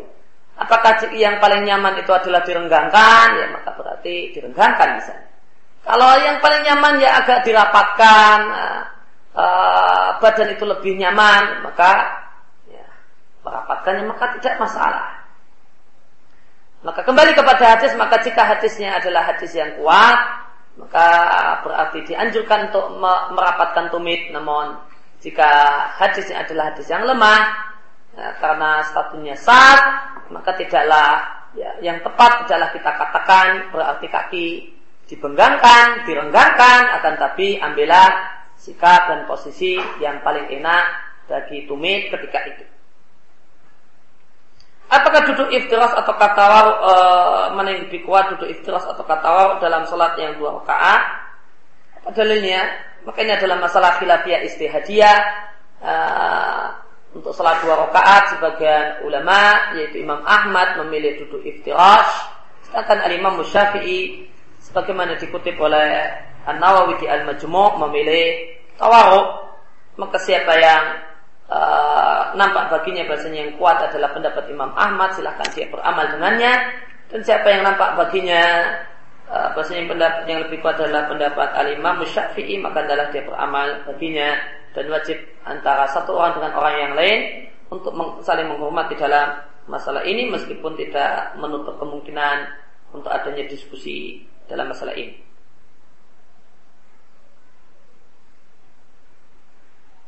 Bolehkah saat menyuapkan makanan untuk bayi atau anak kecil orang tualah yang mengucapkan bismillah karena si anak belum bisa bicara? Ya. Boleh dalam rangka untuk melatih si anak.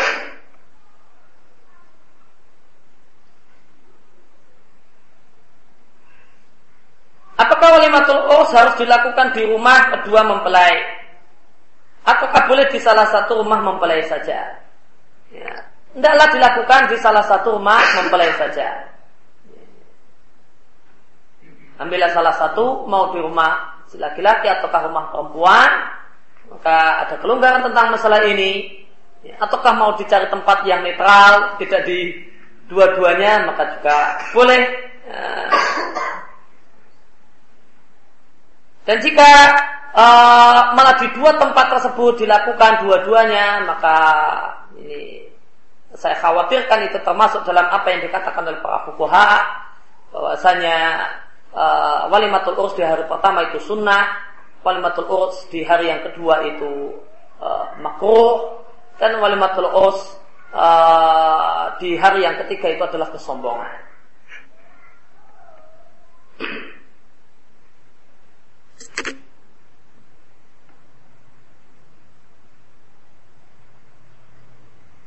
Bolehkah wali nikah untuk seorang perempuan diserahkan kepada adik laki-laki dari ibu si pengantin perempuan? Jadi tidak boleh karena dia bukanlah termasuk dalam wali. Ya, yang jadi wali uh, itu adalah uh, berasal dari garis ayah. Maka jika tidak ada satupun wali dari garis, dari garis ayahnya, Ya, maka bagaimana sabda Nabi Shallallahu Alaihi Wasallam dalam hadis yang diatkan oleh Abu Dawud dan derajatnya Hasan, Rasultanu waliuman la waliyalahu. Maka penguasa adalah wali nikah bagi seorang perempuan yang tidak memiliki wali nikah.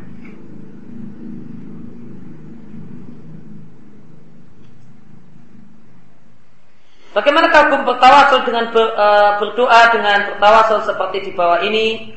Wabi hormati Nabi kal Mustafa farfir lana. Apakah tawasul seperti itu termasuk kategori syirik ataukah bid'ah? Jawabannya tawasul semacam ini termasuk tawasul bid'ah. Ini adalah bid'ah dalam doa.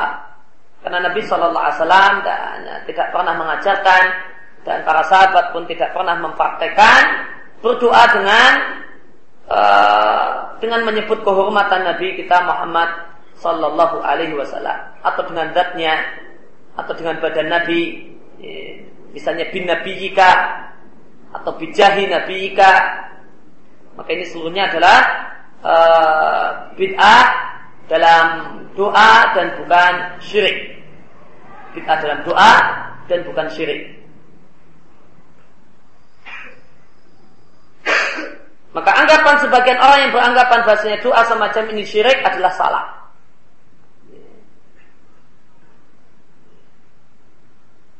Sebagian orang beranggapan bahasanya kalimat semacam ini adalah syirik, itu adalah salah. Yang dimaksud dengan tawasul yang merupakan syirik adalah berdoa meminta kepada orang yang mati. Namun dikatakan ini tawasul namun namun mengatakan bahasa niat saya uh, saya berdoa kepada dia ya, supaya dialah yang menyampaikan doa saya kepada Allah. Namun kalimat doanya, kalimat yang terucap adalah meminta kepada orang yang telah meninggal dunia. Itulah yang disebut dengan uh, tawasul syirki dalam bahasa para ulama. Bukan tawasul semacam ini. Maka seorang mengatakan uh, uh, ya sayyidi atau wahai wali fulan atau wahai uh, syekh fulan uh, uh, berilah aku rizki berilah aku keturunan karena aku sudah lama menikah tidak berketurunan. Kemudian kalimat semacam ini dikatakan tawasul karena orang yang mengatakan saya tidak bermaksud minta anak kepada dia. Namun yang saya maksudkan saya sampai uh, saya mengucapkan kalimat tersebut dengan niatan, dengan maksud dan dengan tujuan agar uh, wali tersebut, orang soleh tersebut menyampaikan doa saya kepada Allah. Akan tapi uh, bahasa yang dipakai, kalimat yang dipakai adalah meminta kepada wali, meminta kepada orang soleh. Ini dimaksud dengan tawasul yang statusnya kemusyrikan.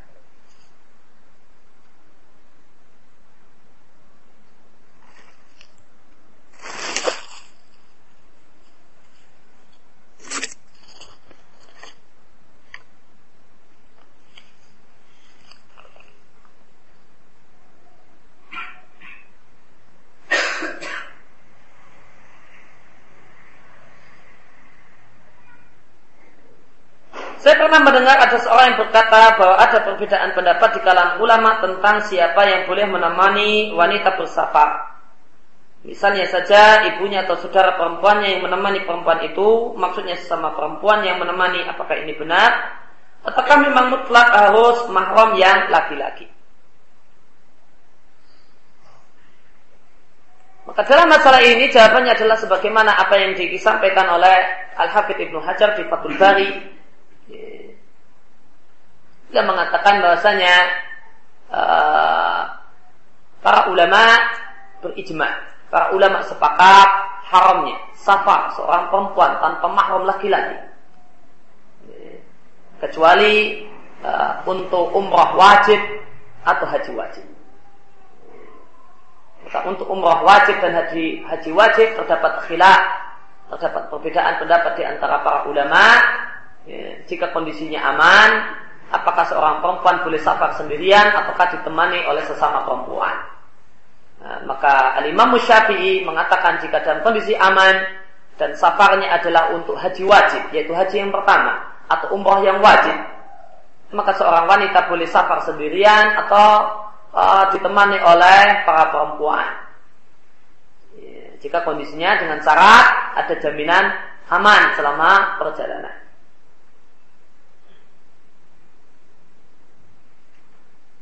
Maka boleh ditemani oleh perempuan, ini menjadi pendapat sebagian ulama, yaitu tepatnya alimam syafi'i cuma dalam satu kasus. Umrah wajib atau haji wajib. Adapun umrah sunnah, haji sunnah, ataupun safar yang mubah, maka tidak ada perselisihan pendapat di antara para ulama. Uh, bahasanya safar semacam ini hukumnya haram bagi seorang perempuan, ya, kecuali ditemani oleh suaminya atau mahram laki-lakinya.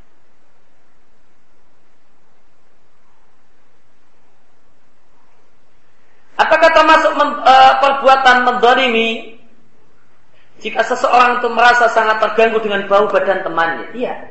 Bau badan yang tidak sedap itu adalah bentuk kezaliman uh, dan bentuk gangguan kepada sesama muslim yang wajib dihilangkan. Al-muslim man salimal muslimuna min lisanihi wa yadihi. Seorang muslim yang baik, seorang muslim yang sempurna adalah seorang muslim yang tidak mengganggu muslim yang lain dengan mulutnya ataupun dengan tangannya, ya, termasuk dengan bau badannya. Dan bau badan yang tidak sedap itu mengganggu malaikat. Bukan hanya mengganggu seorang muslim, mengganggu malaikat sebagaimana dalam sebuah hadis yang sahih Nabi Shallallahu Alaihi Wasallam mengatakan Innal malaikat ada mimma yata'ada minhu banu Adam. Atau kama sallallahu alaihi wasallam. Sehingga malaikat itu merasa terganggu dengan bau-bau yang bikin manusia yang manusia merasa terganggu dengannya. Maka setiap bau yang menyebabkan orang lain itu merasa terganggu, malaikat pun terganggu dengannya. Bagaimana kamu nasihati seorang yang punya bau badan yang mengganggu tanpa menyinggung perasaannya? Ya harus tersinggung perasaannya. Biar dia berubah. Kalau dia nggak tersinggung, dia tidak merasa disinggung, dia tidak merasa disentil, dia tidak merasa dinasehati, maka dia begitu-begitu saja harus tersinggung. Ya. Maka disampaikan dengan baik-baik, maaf dengan cara minta maaf, ya. Uh, sekali lagi minta maaf, mungkin boleh jadi maaf sampai tiga kali. Lalu kemudian masuk kepada topik utama, maaf ya. Uh, kayaknya uh, perlu apa? Uh, banyak teman-teman yang ngeluhkan sebenarnya, namun nggak sampai hati ngomong, saya cuma penyambung lidah rakyat saja. ya perlu di uh, perlu diupayakan tuh ya uh, pakai wangian apa di ketiak sehingga uh, menghilangkan bau badan yang tidak sedap. Bolehkah makan sambil berdiri ataukah berjalan? Nanti akan kita bahas lebih detail di uh, kajian lebih lanjut tentang masalah adab, makan dan minum di Kitabul Adab. Ringkasnya pendapat yang uh, paling kuat dalam masalah ini boleh jika ada keperluan. Jika ada hajat maka diperbolehkan. Misal penuh sesak, sulit cari tempat, ya, atau orang tersebut orang yang tidak bisa jongkok uh, akan uh, pegal kakinya kalau jongkok setengah menit saja misalnya atau karena sebab-sebab yang lain. Bolehkah minum obat yang mengandung alkohol? Maka yang terlarang untuk diminum adalah khamar.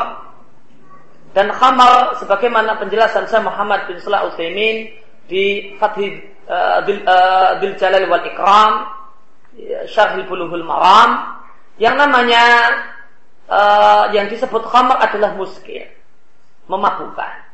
Dan yang namanya memabukkan itu syaratnya mengandung dua hal. Untuk bisa disebut muskil, untuk bisa disebut memabukkan, ada dua syarat yang harus dipenuhi. Syarat yang pertama adalah menghilangkan akal, menghilangkan kesadaran. Ini syarat yang pertama. Syarat yang kedua menimbulkan rasa nikmat. Ya. Fly, orang kemudian uh, terasa merasakan nikmat. Dan ini adalah satu hal yang tidak ada ya, pada obat yang mengandung alkohol. Oleh karena itu para ulama mengatakan bahasanya uh, ya, ketika uh, maka, uh, obat pemati rasa, ketika orang itu perlu operasi, yang menghilangkan kesadaran itu tidaklah digolongkan oleh para fuqaha dalam khamar.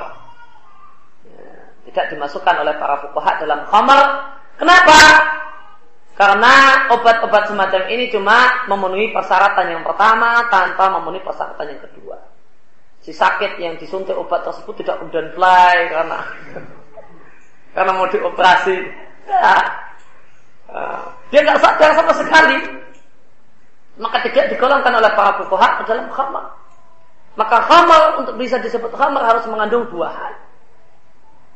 Pertama menghilangkan kesadaran dan akal, dan yang kedua adalah menyebabkan dan menimbulkan uh, menimbulkan rasa nikmat pada orang yang mengkonsumsinya.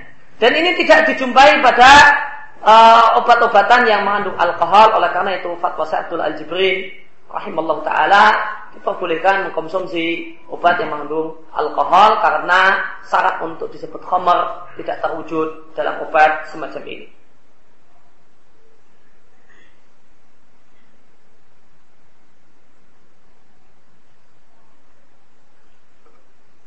Apabila berbuka puasa biasanya di tempat saya ikomah dilakukan begitu cepat. Apa yang saya lakukan? Makan sedikit lalu berangkat sholat ataukah makan makanan tersebut hingga selesai.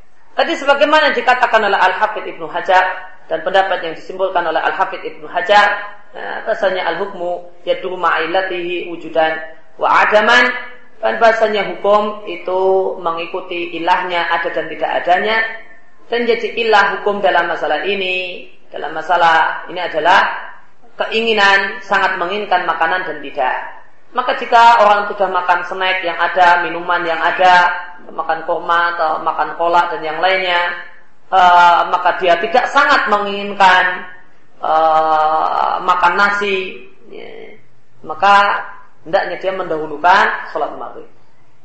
Namun, jika dia adalah tipikal orang yang kalau belum uh, kalau baru snack maka uh, seakan-akan perut itu belum ada isinya sama saja dengan lapar maka dia harus makan ya.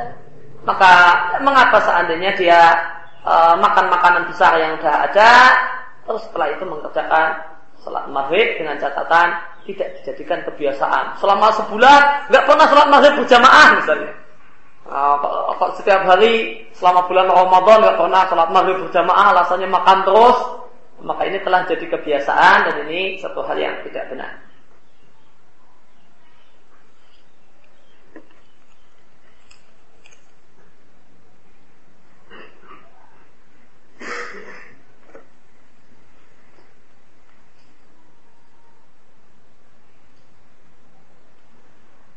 Apakah kitab Labab Lubabun Nukul uh, itu sahih siapakah penulisnya? Lubabun Nukul karya Suyuti ya, yang merupakan ringkasan kitab dari Asbabun Nuzul karya Al-Wahidi. Kitab yang bagus tentang masalah di antara kitab yang dinilai bagus tentang masalah Sababun Nuzul.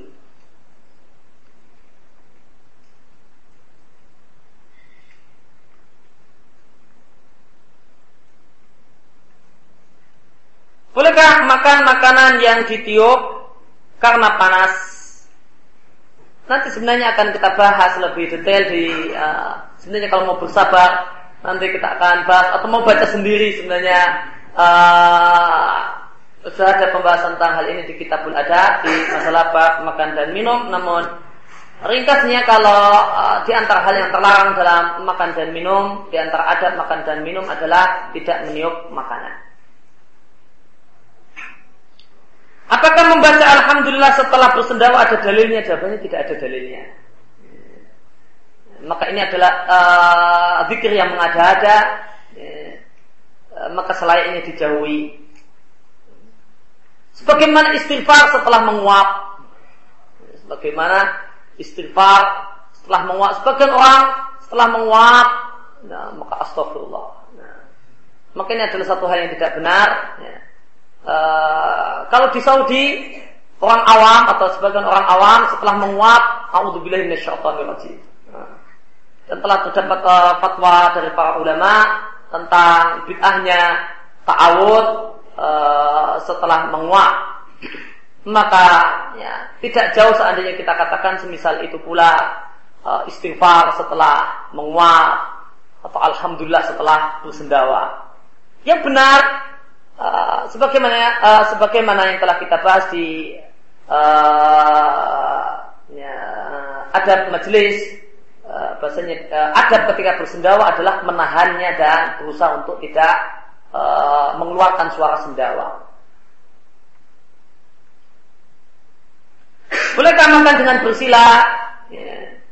Sebagaimana telah uh, kita sampaikan di pertemuan yang lewat bahasanya Ibnu Qayyim menyebutkan tentang masalah etika, tentang masalah larangan makan sambil bersandar. Salah satunya adalah uh, makan dalam posisi bersila. Maka dan makan sambil etika hukumnya makruh tidak haram. Uh, seandainya ada orang yang melakukannya maka orang tersebut melakukan hal yang makruh dan tidaklah melakukan hal yang haram uh, selainnya dihindari, selainnya dijauhi dan jika kita berada dalam posisi yang sulit uh, misalnya uh, berada di posisi uh, yang agak formal atau cukup formal dan sebuah keniscayaan dan sebuah keharusan dalam posisi semacam ini kalau makan harus bersila itulah satu-satunya yang memungkinkan atau itulah satu-satunya yang mudah.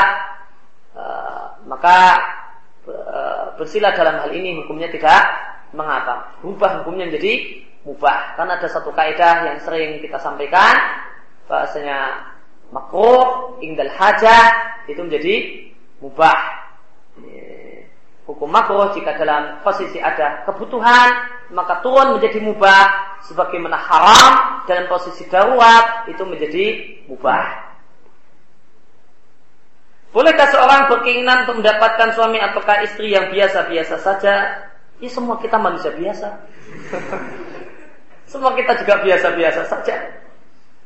Karena minder dengan dirinya yang memiliki banyak kekurangan. Tidak ada manusia yang tidak punya kekurangan. Ya, semua orang punya kekurangan.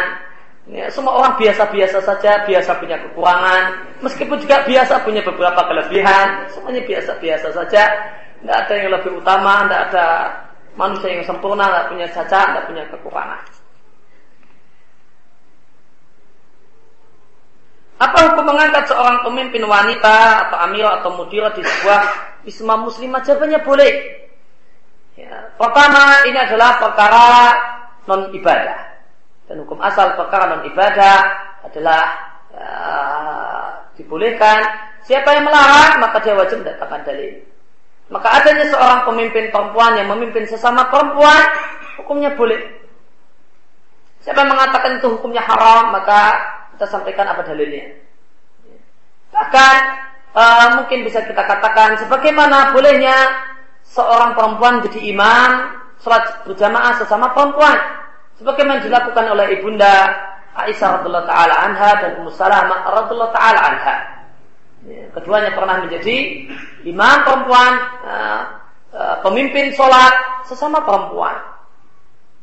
Adapun perkataan sebagian orang yang melarang uh, adanya pemimpin perempuan untuk sesama perempuan, ya, uh, melarang koordinator di antara sesama perempuan, ya, maka ini adalah satu hal yang tidak benar. Ya, karena pendapat ini adalah pendapat yang tidak berdalil dan dan perempuan sekalipun maka satu kumpulan sesama perempuan maka butuh ada yang ngatur. Butuh ada yang mengatur apa uh, jika tidak ada koordinator, tidak ada yang mengkoordinasi maka apa yang terjadi uh, kacau tidak karuan, seenaknya, semaunya dan ini tentu satu hal yang tidak diharapkan. Apakah hukum tape sama dengan hukum khamar? Tape mengandung alkohol yang sama seperti khamar. Jawabannya, ilah dalam masalah ini, yang jadi pokok masalah dalam masalah ini bukan alkohol. Yang jadi pokok masalah dalam masalah ini adalah al-iskar, adalah memabukkan. Sebagaimana sabda Nabi Shallallahu Alaihi Wasallam, kulu miskurin khamrun. Yang disebut khamar adalah segala hal yang muskir, segala hal yang membuat mabuk. Dan yang disebut dengan memabukkan adalah yang mengandung dua hal menghilangkan akal pikiran, menghilangkan kesadaran, dan yang kedua menimbulkan rasa nikmat. Adapun uh, jika satu makanan, satu minuman itu cuma diminum dan uh, dikonsumsi membuat mulus karena kebanyakan tape, maka mulus bukan mabuk, uh, mencret bukan mabuk. Banyak orang mencret karena kebanyakan makan tape, banyak sebagian orang mulus uh, perutnya karena kebanyakan tape, namun tidak mabuk. Namun tidak memabukkan maka yang benar tapi itu tidak termasuk khamar.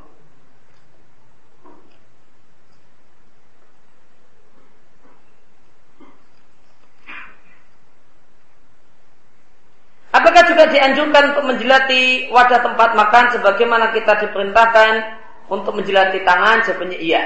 Terdapat hadis tentang masalah ini yang juga ada di uh, di kitabul adab di bab masalah uh, adab makan. Apakah bisa dikiaskan tidak bolehnya memberi uh, membeli kendaraan-kendaraan mewah uh, rumah-rumah mewah karena orang miskin tentunya akan akan sedih. Berkaitan dengan masalah ilah kenapa kenapa Nabi Shallallahu Alaihi Wasallam melarang makan dan minum dengan menggunakan wadah dari emas dan perak. Ya, sebagian ulama mengatakan karena ini menyakiti hati orang-orang miskin dan telah kita sampaikan bahasanya ini adalah dan telah kita bahas bahasanya adalah satu hal yang tidak benar. Ini adalah satu hal yang tidak benar.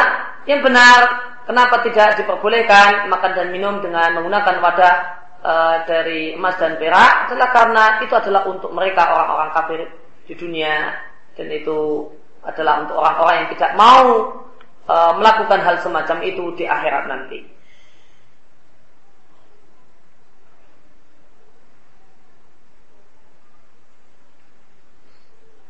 Namun meskipun demikian, uh, selayaknya seorang itu ketika dia berada di sebuah uh, perumahan, di sebuah perkampungan, uh, hendaknya dia tidak menyakiti orang-orang yang ada di sekelilingnya dengan membuat rumah bagikan istana, pada di sampingnya ada rumah dari gedek, ya, yang yang hidup kesusahan. Ya. Namun tidaklah dia buat rumah yang wajar, yang standar, bagus, namun ya uh, bagus yang uh, istilahnya menurut off itu uh, tidak terlalu menonjol dan tidak terlalu berlebih.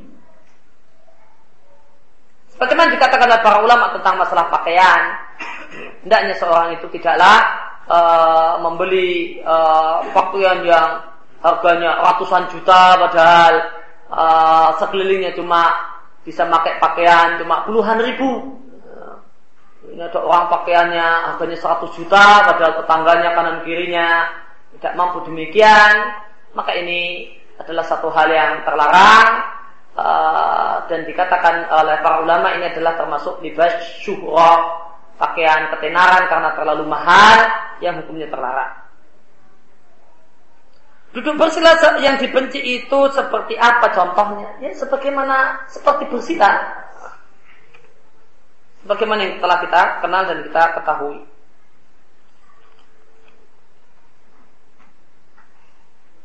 Apa hukum menyentuh saudara tiri lawan jenis?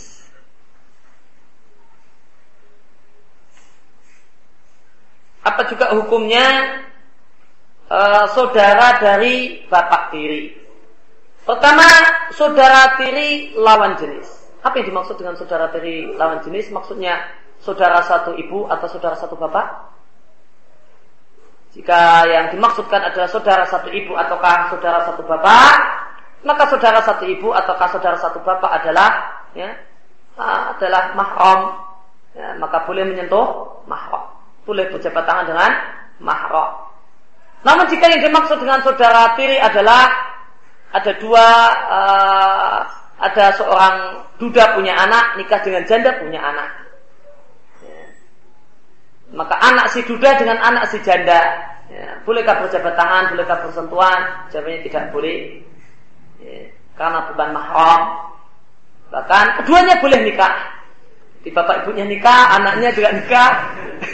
Itu diperbolehkan, nah, tidak terlarang. Ya. Hari ini bapak dan ibunya nikah, besok anaknya uh, anak dari duda ini sama anak janda ini yang juga akan nikah itu diperbolehkan tidak masalah ya. uh, sehingga itu bukan mahram uh, sehingga tidak boleh bersentuhan dan tidak boleh berjabat tangan dan saudara dari bapak tiri maka yang mahram adalah bapak tiri adapun saudaranya bapak tiri maka itu bukan paman karena yang namanya paman uh, adalah uh, saudara ayah, ya, uh, saudara ayah ya, atau saudara ibu. Ya. Dan dalam syariat bapak tiri itu bukan bapak. Perhatikan. Dalam syariat, dalam hukum syariat, bapak tiri itu bukan bapak. Bapak tiri itu statusnya adalah suami ibu. Statusnya adalah suami ibu, bukan bapak maka tidak berlaku padanya hukum-hukum bapak sehingga saudara bapak disebut paman yang jadi mahram. Sebagaimana patut, perlu diingat dan perlu diperhatikan bahasanya istri paman itu bukan bibi. Dan istri bibi itu bukan paman dalam syariat. Istri bibi itu bukan paman. Eh suami bibi, uh, suami Maksud saya suami bibi itu bukan paman. Kita punya bibi, ya. Ya. punya bibi, bibi punya suami. Maka suaminya bibi bukanlah paman. Maka seandainya saya seorang perempuan, saya tidak boleh berjabat tangan dengan uh, suami dari bibi saya. Dan istri paman itu bukan bibi. Jika saya punya paman, ya, paman saya nikah dengan seorang perempuan, maka istri paman bukanlah bibi saya. Maka saya tidak boleh bersentuhan dan berjabat tangan dengan istri paman karena istri paman itu bukan bibi. Itu bibi dalam bahasa keseharian dan bukan bibi dalam syariat. Bolehkah mengatakan halal dan haram pada satu hukum padahal ada perselisihan ulama di dalamnya? Boleh. Jika itulah yang uh, dia nilai pendapat yang lebih tepat adalah haram, maka dia tidaklah mengapa seorang itu mengatakan ini hukumnya haram. Meskipun jika tidak ada nas tegas tentang haramnya satu hal, maka para ulama terdahulu mereka menjauhi kalimat haram. Mereka tidaklah berani, para ulama terdahulu, eh, Imam Syafi'i, Imam Ahmad dan yang lain, mereka tidak, mereka menghindari kata-kata haram kecuali untuk perkara yang jelas dalilnya. Jika satu perkara itu tidak jelas, tidak terdapat nas tegas dalam masalah ini, maka mereka lebih menyukai perkataan saya tidak menyukainya. Saya membenci hal semacam ini. Oleh karena itu maka jika tidak terdapat nas tegas dalam satu masalah, maka satu hal yang satu hal yang baik jika kita tidak menggunakan kata-kata haram ini kita katakan seharusnya dijauhi, ya, seharusnya ditinggalkan, ya, atau kalimat-kalimat semisalnya, namun tidak menegaskan itu adalah satu hal yang haram, iktidaan dalam rangka mencontoh para ulama terdahulu dalam sikap mereka dalam hal-hal semacam ini.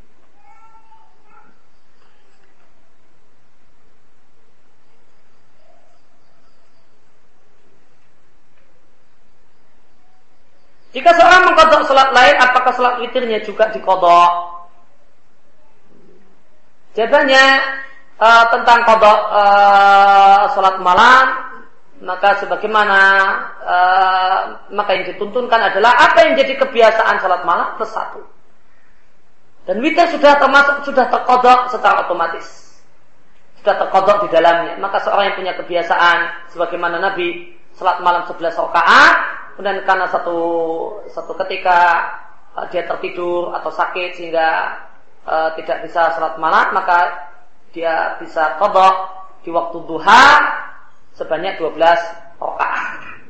Maka sebagaimana Nabi lakukan, Nabi sholat 11 malam, uh, sholat 11 rakaat dan Nabi kodok di waktu duha sebanyak 12 rakaat termasuk sudah uh, witir ada di dalamnya. Demikian kurang lebih yang kita bahas kesempatan uh, pagi hari ini. Wassalamualaikum ala nabiyina Muhammadin wa ala alihi wa sallam. Wa rudamana alhamdulillahi rabbil alamin. Subhanaka Allahumma wa bihamdika. Asyhadu an la ilaha illa anta astaghfiruka wa atubu ilaik.